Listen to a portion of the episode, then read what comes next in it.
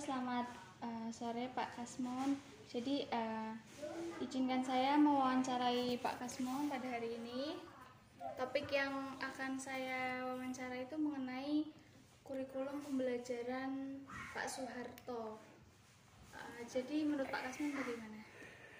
Jadi kurikulum pada masa Pak Harto itu kalau nggak salah kurikulum tahun 84 atau berapa 84 85 atau bagaimana.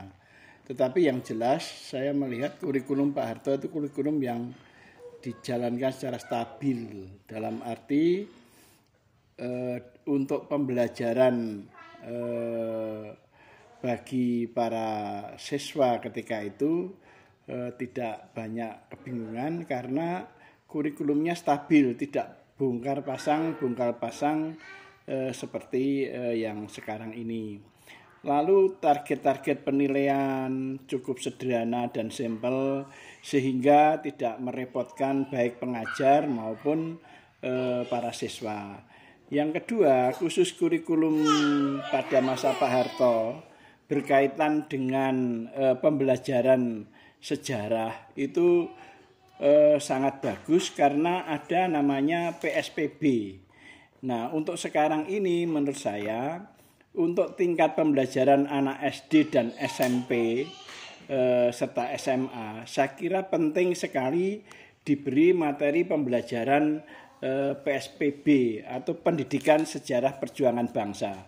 Mengapa? Dari situ eh, aspek-aspek eh, kejadian-kejadian atau peristiwa-peristiwa sejarah langsung digali nilai-nilai eh, sebagai sumber-sumber inspirasi untuk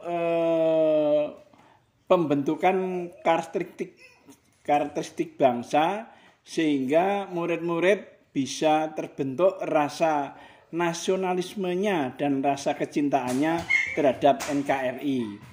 Nah, oleh karena itu, menurut saya eh, PSBB ini perlu diajarkan kembali dan eh, bagi apa para pendidik sejarah justru kalau kita eh, ingin mengembangkan PSBB ini justru lebih tepat bagi pembentukan karakteristik nation building bagi eh, anak bangsa ketimbang IPS karena di, kalau IPS itu identitasnya mata pelajaran tidak jelas menurut saya. Jadi eh, menurut saya yang paling bagus adalah justru eh, menghidupkan PSBB kembali itu. Jadi itulah tanggapan saya. Jadi kurikulum Pak Harto relatif stabil tidak bongkar pasang dan e, seperti sekarang dan target-target penilaian eh, proses pembelajaran dan sebagainya itu justru lebih jelas tidak menyulitkan. Saya kira itu. Terima kasih Pak ada pertanyaan lagi. Nah, ini apa cara belajar murid sama pengajar itu dulu gimana ya, Pak ya? ya memang cara, proses belajar mengajar ketika itu ya banyak menggunakan metode-metode variatif walaupun guru memang e, masih sebagai sentral karena memang seorang guru pada waktu dulu kualifikasi dan kompetensinya itu betul-betul dituntut e, mempunyai kemampuan yang luar biasa sehingga memang guru itu menjadi sentral dalam proses pembelajaran. Nah, e, kendati, kendati guru sebagai sentral, tetapi justru di situlah peranan murid untuk selalu mau menyerap ilmu lebih dalam dari eh, gurunya.